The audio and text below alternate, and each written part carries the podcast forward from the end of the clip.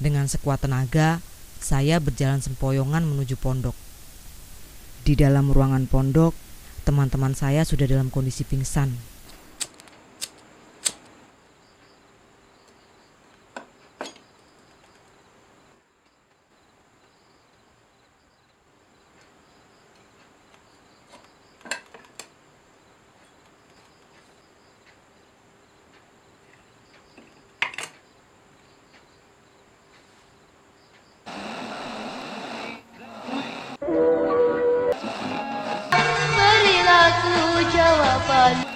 Selamat datang di podcast Kopi Hitam.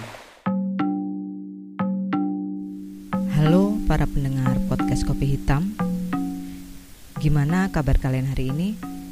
Mudah-mudahan tagihan listrik aman, cucian kering, dan coba periksa tanaman hias Anda. Hitung jumlahnya. Takutnya kan ada yang kurang.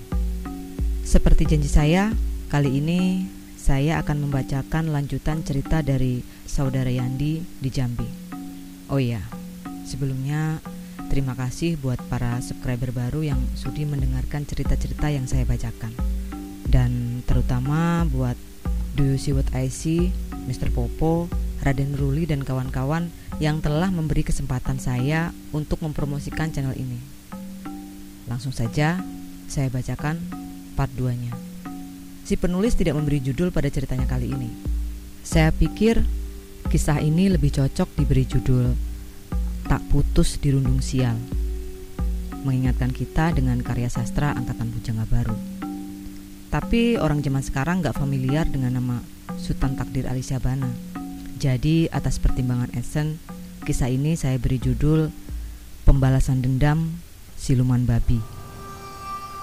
Terdengar lebih menjual. Langsung saja saya akan membacakan cerita dari saudara Yandi di Jambi. Halo para pendengar, di kesempatan kali ini saya akan menceritakan pengalaman kedua saya saat mengerjakan proyek pembangunan perumahan di tengah perkebunan kelapa sawit, masih di Provinsi Jambi. Jadi, setelah proyek sekolah di tengah hutan itu, saya dan Mas Petrus sering berhubungan lewat telepon. Di pertengahan tahun 2014, dia menghubungi lewat telepon mengajak saya untuk ikut dalam timnya. Tim perkuliahan tentunya. Kali ini proyek pembangunan perumahan di sebuah kawasan perkebunan kelapa sawit. Awal bulan September, kami berangkat ke lokasi. Kami bersepuluh, sebut saja Mas Petrus, Pak Toto, Imron, Usman, Yogi, Ahmad, Memet, Mas Slamet dan Gendon. Oh iya, dan saya sendiri. Kami diberangkatkan menuju lokasi dengan mobil bak terbuka. Begitu memasuki kawasan perkebunan, kami memasuki area jalanan yang mulus. Semua jalan di area perkebunan sangat bagus, jauh berbeda dengan jalanan umum di Provinsi Jambi.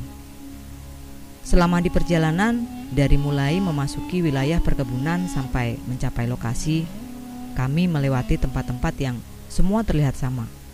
Deretan pohon-pohon sawit yang berjejer rapi dan jalanan yang mulus.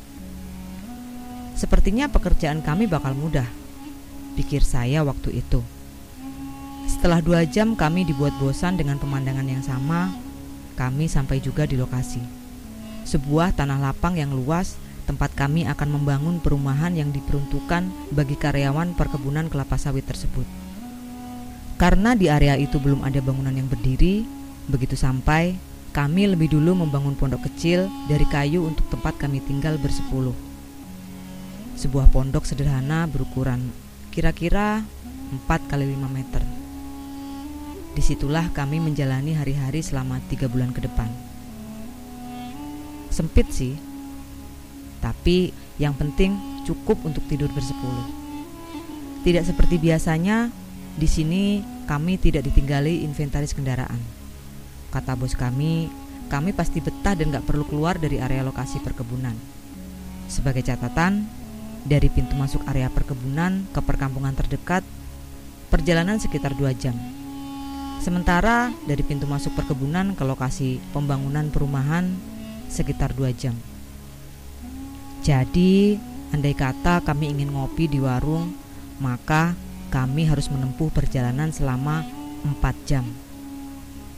Tapi itu hal yang mustahil karena bos kami tidak memberi kami inventaris kendaraan. Dan si bos berjanji akan membawakan semua kebutuhan kami setiap minggu. Minggu pertama, si bos beneran datang membawakan kebutuhan perkuliahan dan kebutuhan makan kami. Beras dua karung isi 10 kilo, sayuran, bahan lauk, dan bumbu dapur. Kami makan dengan normal. Cukup kenyang untuk ukuran usus kuli bangunan. Masuk minggu kedua, si bos hanya membawakan kami satu karung beras isi 10 kilo dengan sedikit bumbu dapur, sedikit sayuran dan sedikit bahan lauk. Tentu saja kami protes. Mana cukup buat makan kami bersepuluh selama satu minggu. Tapi si bos berjanji nanti sisanya akan diantarkan lagi. Saat itu kami masih percaya. Nggak sampai lima hari, persediaan makan kami habis dan si bos belum juga datang. Akhirnya, kami mencari makan seadanya di area perkebunan sampai saatnya si bos datang. Kami menemukan jambu kelutuk, kelapa, dan ikan-ikan kecil. Tepat seminggu, si bos datang lagi. Kami semua marah karena si bos tega membiarkan kami terlantar di tengah perkebunan kelapa sawit. Si bos meminta maaf dan berjanji akan membawakan ganti bahan makanan yang lebih banyak. Tapi dia lagi-lagi hanya memberikan kami bahan makanan yang hanya cukup dimakan selama empat hari. Kami mulai nggak percaya dengan omongan si bos. Tapi kami nggak bisa berbuat apa-apa. Lalu Mas Petrus berinisiatif membuat alat-alat untuk berburu seperti tombak dan tembak panah. Dibantu oleh teman-teman yang lain. Kami mulai belajar survivor. Tapi makin ke sini, si bos makin jarang datang yang awalnya seminggu sekali, lama-lama 10 hari, bahkan pernah sampai dua minggu baru datang. Dan yang dia bawakan tetap cuma bahan makanan yang cukup untuk dimakan selama empat hari. Tiap kali kami protes, si bos selalu punya jawaban yang bikin kami terpaksa percaya. Ya, karena cuma itu yang bisa kami lakukan. Rasanya pengen pulang, tapi tidak ada kendaraan yang bisa kami pakai. Sejak kami kekurangan makanan, kami mulai tidak fokus dengan pekerjaan membangun perumahan. Berganti fokus bertahan hidup. Masa bodoh dengan pekerjaan. Yang penting tiap hari kami ke lokasi buat mengisi buku absen. Mana bisa manusia kerja tanpa makan. Tidak jauh dari lokasi pondok ada sebuah danau kecil. Kadang kami memancing ikan di sana. Hasilnya tidak seberapa. Tapi lumayanlah Dua atau tiga ekor ikan kecil kami makan bersepuluh tanpa nasi. Lalu, lagi-lagi Mas Petrus berinisiatif membuat alat penangkap ikan. Setiap sore, kami memasang alat tersebut di danau, lalu besok paginya kami mengambil hasil tangkapan tersebut. Sebenarnya tiga hari sekali ada kendaraan kebersihan milik perkebunan yang lewat. Suatu kali, saat kebetulan petugas tersebut berhenti untuk membersihkan area sekitar pondok, kami mengobrol. Namanya Pak Mat. Kami berusaha menceritakan kondisi kami, tapi hal itu tidak membantu karena dia hanya karyawan biasa. Seharusnya kami tahu jika kesehatan kami memang bukan tanggung jawab perkebunan, tapi tanggung jawab bos kami. Tapi sejak itu, tiap Pak Mat membersihkan daerah yang dekat dengan lokasi kerja kami, beliau membawakan kami makanan. Lumayanlah buat mengganjal perut. Kami bekerja dengan benar hanya di hari-hari makanan tersedia. Sisanya, hari-hari kami habiskan dengan berburu apa saja yang kami temui di perkebunan tersebut. Gak banyak hewan yang bisa kami buru, karena itu bukan hutan. Biasanya buruan yang kami dapat berupa musang, burung, tupai, atau monyet. Sebenarnya banyak sekali ular, tapi jenis ular-ular berbisa seperti ular pohon dan ular tanah. Di antara kami tidak ada yang berani ambil resiko mengolah ular berbisa. Saya pikir itu hanya bisa dilakukan oleh mereka yang sudah profesional. Oh iya, ada satu kejadian lucu yang saya alami sehubungan dengan ular. Untuk urusan memasak, kami bersepuluh membuat jadwal piket. dalam satu hari ada dua orang yang bertugas piket. Kebetulan hari itu saya dan Mehmet mendapatkan giliran piket. Yang mendapat giliran piket harus pulang ke pondok sebelum jam makan siang untuk memasak dan mencari bahan makanan jika tidak ada bahan makanan. Siang itu saya ke danau untuk mencari ikan memakai jala sederhana buatan saya sendiri. Sementara Mehmet mempersiapkan yang lain di pondok. Dalam waktu kurang dari satu jam, plastik tempat ikan hampir penuh dengan ikan-ikan sebesar jari kelingking. Saya pun bersiap pulang. Perjalanan dari danau menuju pondok melewati jalan yang berbentuk huruf X, tapi di bagian tengah agak panjang. Jadi ada dua jalan berbentuk capit udang yang pangkalnya saling bertemu. Lebih sederhananya seperti ini. Ada dua jalur jalan setapak yang searah. Satu dari arah danau, satu lagi dari arah perkebunan. Mungkin itu jalurnya para karyawan. Saat saya hampir di persimpangan yang berbentuk huruf X itu, dari arah jalan yang satunya ada seekor ular sepanjang kira-kira satu meter, juga berjalan ke arah yang sama dengan saya. Saat kami berdua tepat di persimpangan, kami sama-sama kaget. Saya langsung mundur ke belakang, dan Si ular langsung menegakkan badannya hampir setinggi panjang tubuhnya. Matanya menatap saya dengan tajam. Lidahnya menjulur-julur keluar masuk mulutnya cepat sekali. Ekor yang menyentuh tanah hanya sepanjang 5 sentian. Saya baru tahu ada ular yang bisa berdiri setinggi itu. Beberapa detik saya kaget. Tapi lalu saya segera berlari kencang menuju pondok. Si ular juga berlari tak kalah kencangnya. Karena merasa dikejar, saya ketakutan dan makin menambah kecepatan lari saya. Sialnya, si ular juga makin cepat. Dia mulai menyusul saya. Sampai akhirnya posisi kami berlari beriringan. Mampus. Tinggal nunggu dipatuk nih. Kira-kira kalau saya pingsan, ada yang nemuin saya nggak ya? Mana jam makan siang masih lama lagi. Pasti nggak ada orang yang lewat dan teman-teman masih lama pulangnya. Sambil berlari kencang, pikiran saya ke mana-mana, mikir yang enggak-enggak. Sampai di persimpangan depan, saya mengambil jalan ke arah pondok dan si ular mengambil jalur yang ke arah jalan aspal. Hah? Beneran, nggak dikejar nih. Saya mendadak berhenti lalu berbalik ke arah ujung persimpangan tadi. Saya melihat ke arah jalan satunya. Si ular masih berlari kencang menuju jalan aspal. Ternyata yang tadi itu lomba lari antara saya dan si ular.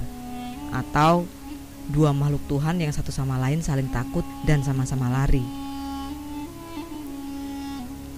Suatu hari saat tugas piket dipegang oleh Imron dan Yogi, saat itu dalam kondisi tanpa bahan makanan. Mereka berdua pergi mencari buruan dari jam 2 sore. Jam 5 sore, mereka pulang dengan memanggul hewan yang mirip babi hutan. Kami semua senang sekali melihat kedatangan Imron dan Yogi. Bakal makan besar nih malam ini, pikir kami saat itu. Saat hewan itu diletakkan di belakang pondok, kami kaget melihat hewan tersebut. Hewan itu terlihat masih hidup. Matanya bergerak-gerak liar. Ternyata itu bukan babi hutan, Kepalanya memang mirip babi, tapi ada satu cula di kepalanya, dan jelas bukan badak. Karena saya ingat betul gambar badak di buku pelajaran sekolah, dan yang menurut saya aneh dari hewan tersebut adalah mata hewan itu merah menyala, terlihat mengerikan. Pak Toto, orang yang paling tua di antara kami, bersikeras menyatakan bahwa itu bukan babi Kalian dapat dari mana hewan aneh itu? Tanya Pak Toto pada Yogi dan Imron. Gak penting pak, dapat dari mana babi ini. Yang penting malam ini kita kenyang. Jawab Yogi sambil mulai membersihkan hewan tersebut. Enggak enggak, jawab dulu pertanyaanku. Itu hewan dari mana? Pak Toto masih bersikeras ingin tahu. Ya dari perkebunan lah pak, masa dari supermarket? Jawab Imron asal.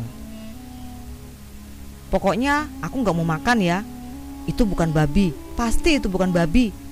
Teriak Pak Toto ketakutan. Dan benar saja, Pak Toto malam itu benar-benar tidak mau makan masakan Imron. Tapi bukan Pak Toto saja yang puasa malam itu. Saya juga nggak berani makan. Alasannya sama, ngeri melihat hewan tersebut. Bukan culanya yang bikin ngeri, tapi matanya yang merah menyala menatap kami satu persatu sebelum disembelih oleh Imron. Itu pemandangan yang sulit saya hilangkan dari pikiran saya. Entah saya yang berlebihan atau memang adanya seperti itu. Saya merasakan sejak hari itu ada yang berbeda di antara kami. Saya merasa teman-teman lebih temperamen. Sering terjadi perselisihan di antara kami. Bahkan pernah ada yang mau adu jotos. Saya dan Pak Toto yang sama-sama nggak makan daging hewan aneh itu sempat mengobrol berdua dan menyimpulkan bahwa penyebab dari suasana yang berbeda itu adalah karena kami sudah membunuh hewan aneh itu. Pak Toto yang orang Jawa percaya sekali bahwa hewan itu bukan hewan biasa. Menurutnya, itu hewan jadi-jadian. Mungkin semacam siluman babi. Kami juga pernah membuat rencana jahat kepada bos kami kami berencana saat bos kami datang, kami akan mengikat si bos dan mengurungnya di dalam pondok. Lalu motor kami pakai untuk mengangkut kami satu persatu keluar dari tempat ini. Tapi kami masih mengharapkan gaji kami dibayarkan. Kalau kami melaksanakan rencana itu, kami pulang gak bawa apa-apa. Kalau saya yang masih bujangan sih, mungkin gak terlalu terbebani. Tapi gimana dengan teman-teman yang sudah berkeluarga? Pasti sedih ketika pulang disambut anak istri dan tidak membawa uang sepeser pun. Akhirnya, kami memutuskan untuk tetap bertahan sampai proyek selesai. Dalam kondisi kami setiap hari kelaparan, kami berusaha keras untuk menyelesaikan pekerjaan supaya cepat bisa meminta upah kami dan keluar dari tempat itu. Suatu sore, sepulang kerja, saat itu hari Sabtu, tanggalnya saya lupa. Ahmad dan Yogi kebagian piket memasak. Dari arah tungku tercium aroma masakan yang sangat enak. Sepertinya mereka menemukan bahan makanan yang banyak. Setelah saya tengok ke belakang, rupanya mereka memasak jamur. Sehabis maghrib, kami makan bersama, kecuali Usman. Usman pergi ke arah jalan aspal buat cari sinyal karena siang tadi istrinya mengirim SMS mengabarkan kalau dirinya ada di rumah sakit. Di sana memang susah sinyal, tapi SMS pasti masuk, meskipun kadang pending dulu. Seperti biasa, kami makan tanpa nasi, karena beras sudah habis dari berhari-hari yang lalu. Suasana malam itu menyenangkan, karena masakan hari itu enak sekali. Sambil makan, kami mengobrol Lalu Ahmad berkata, "Besok biar aku yang masak lagi. Nanti aku cari lagi jamur yang banyak.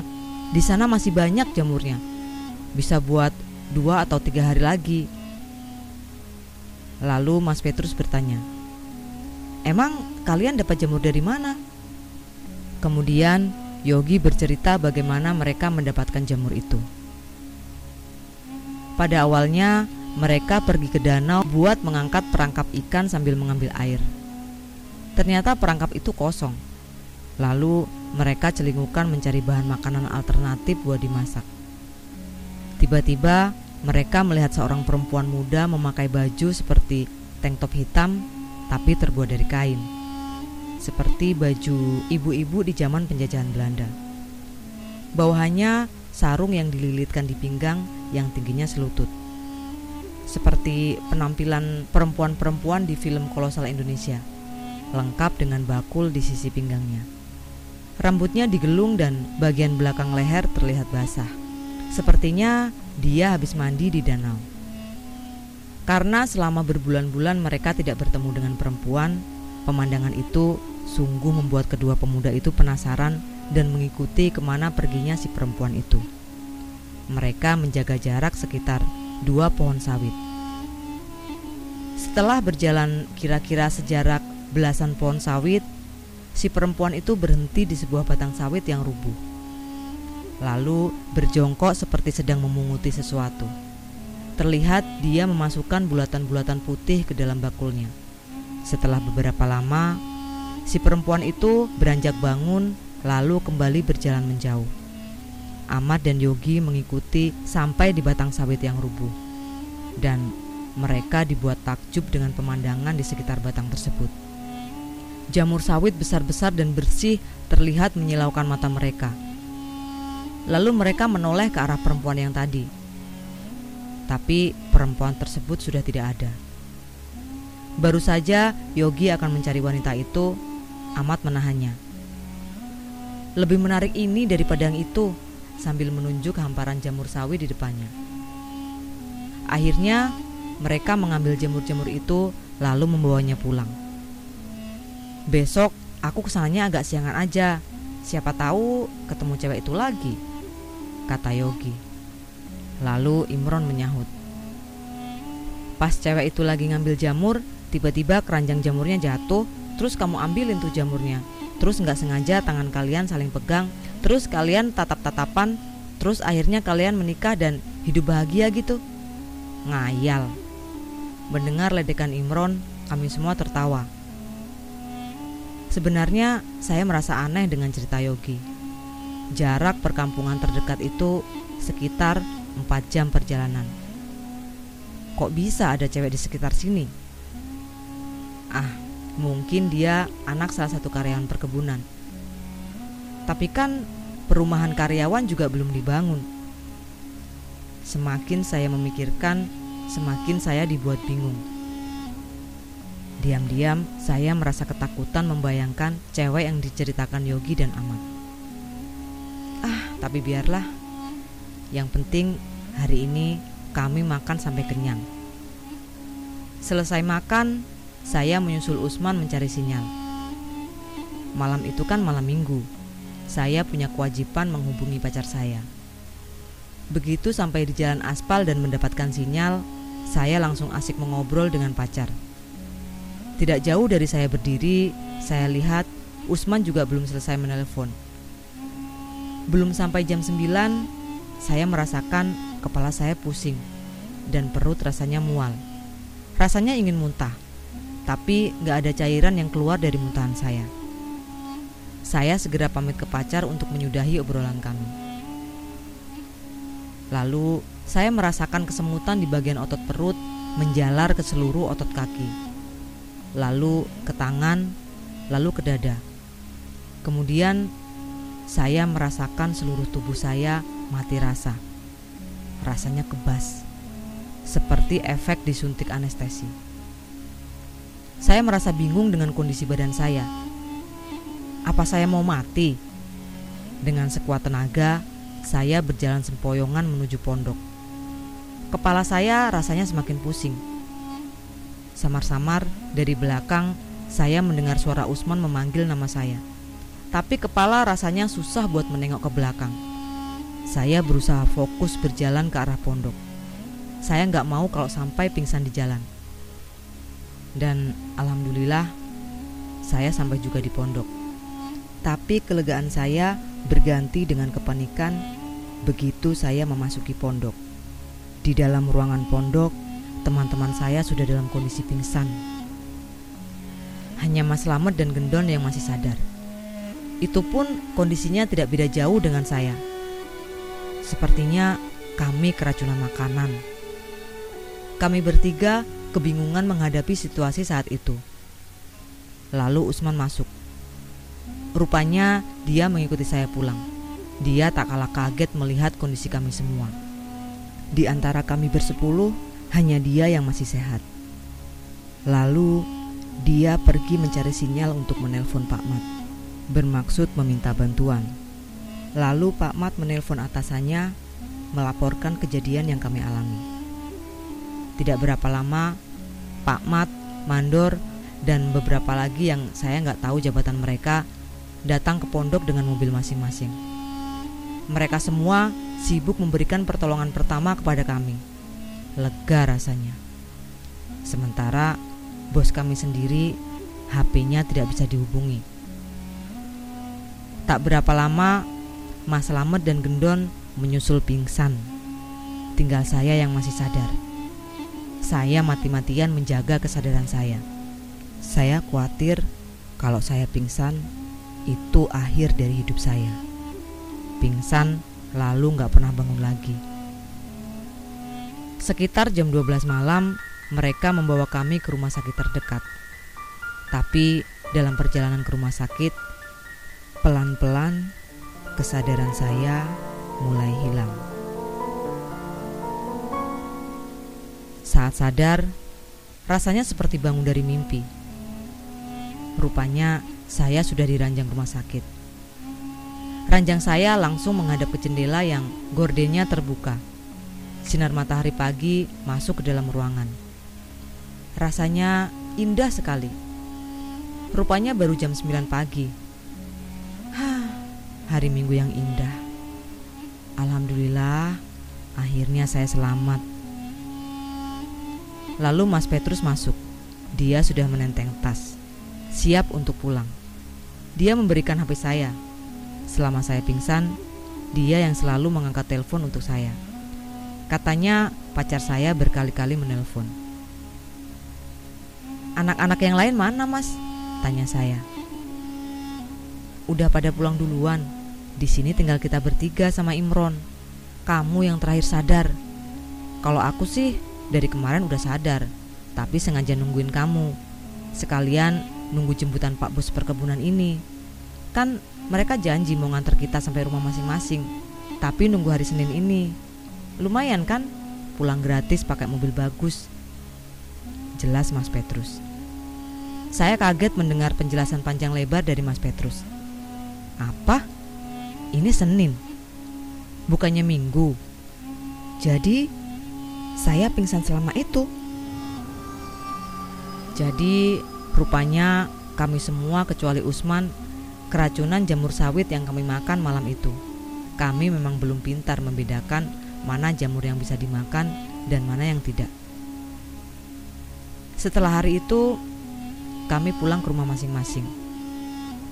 Lalu soal bayaran kami selama tiga bulan, kata Pak Bos, sudah habis buat biaya rumah sakit.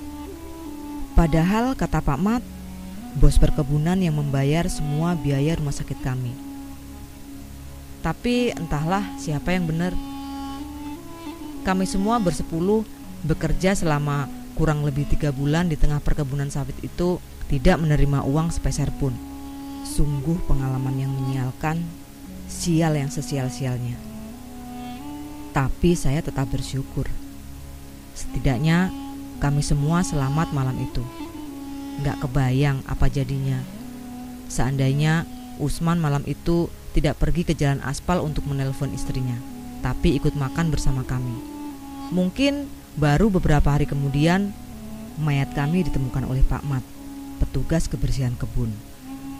Dan soal cewek pembawa bakul itu Kami semua yakin Dia bukan manusia Mungkin ada hubungan antara Babi yang aneh dengan cewek itu Saya sih menganggap Ini seperti Balas dendam hewan yang mirip siluman babi itu Terhadap kami semua Sejak itu Saya memberanikan diri memulai usaha kecil-kecilan. Kapok jadi kuli. Selesai. Wah, kurang ajar bener sih bos bangunan itu. Ini sih sama aja perbudakan manusia. Tapi kita sebagai makhluk paling mulia nggak boleh menyimpan dendam. Jangan kayak si siluman babi. Lebih baik si bos proyek kita doakan bersama-sama. Semoga beliau diberikan kebangkrutan yang hakiki. Amin. Oke, cukup sekian cerita kisah nyata kali ini. Terima kasih sudah mendengarkan sampai selesai dan jangan lupa subscribe.